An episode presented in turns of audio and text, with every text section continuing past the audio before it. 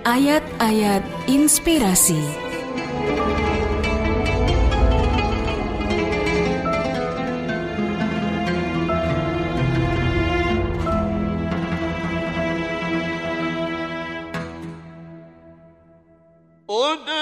ila sabili rabbika bil والموعظة الحسنة وجادلهم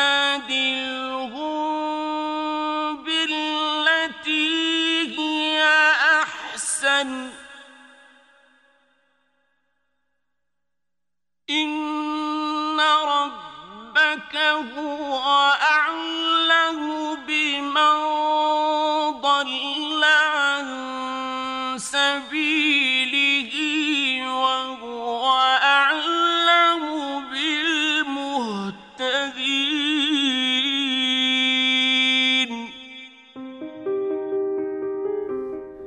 Serulah manusia kepada jalan Tuhanmu dengan hikmah dan pelajaran yang baik, dan berdebatlah dengan mereka dengan cara yang baik.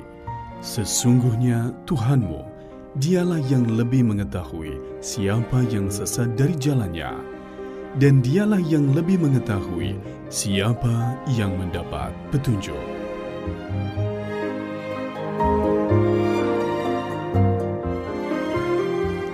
Dakwah sejatinya adalah mengajak orang ke jalan yang benar, menyeru untuk taat.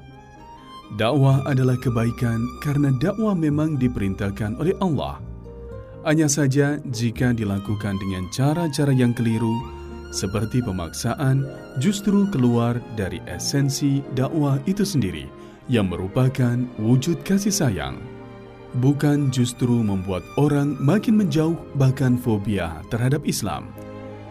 Oleh karena itu penting bagi para pengemban dakwah memahami bagaimana dakwah itu harus disampaikan. Allah telah menggariskan tata cara berdakwah dalam Quran Surah An-Nahl ayat 125. Al-Hafidz Imam Ibnu Kasir dalam tafsir Al-Quran Al-Azim menyebutkan bahwa Allah Subhanahu wa taala memerintahkan kepada rasulnya Nabi Muhammad sallallahu alaihi wasallam agar menyeru manusia untuk menyembah Allah dengan cara yang bijaksana. Ibnu Jarir mengatakan, yang diserukan kepada manusia adalah wahyu yang diturunkan kepadanya berupa Al-Quran, Sunnah, dan pelajaran yang baik, yakni semua yang terkandung di dalamnya berupa larangan-larangan dan kejadian-kejadian yang menimpa manusia pada masa lalu. Pelajaran yang baik itu agar dijadikan peringatan buat mereka akan pembalasan Allah Subhanahu wa taala terhadap mereka yang durhaka. Dan bantahlah mereka dengan cara yang baik, yakni terhadap orang-orang yang dalam rangka menyeru mereka diperlukan perdebatan dan bantahan. Maka hendaklah hal ini dilakukan dengan cara yang baik, yaitu dengan lemah lembut, tutur kata yang baik, serta cara yang bijak. Sesungguhnya Tuhanmu, dialah yang lebih mengetahui tentang siapa yang sesat dari jalannya. Maksudnya, Allah telah mengetahui siapa yang celaka dan siapa yang berbahagia di antara mereka. Dan hal itu telah dicatat di sisinya serta dirampungkan kepastiannya. Maka serulah mereka untuk menyembah Allah dan janganlah kamu merasa kecewa atau bersedih hati terhadap orang yang sesat di antara mereka. Karena sesungguhnya bukanlah tugasmu memberi mereka petunjuk. Sesungguhnya tugasmu hanyalah menyampaikan, dan kamilah yang akan menghisap.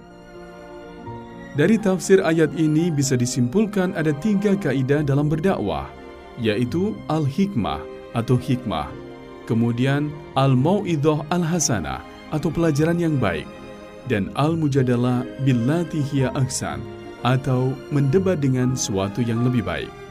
Inilah tata cara dalam berdakwah untuk menyampaikan ajaran Islam sehingga mampu membangkitkan keyakinan dan kesadaran untuk mengambil dan melaksanakannya. Wallahu alam bisawab.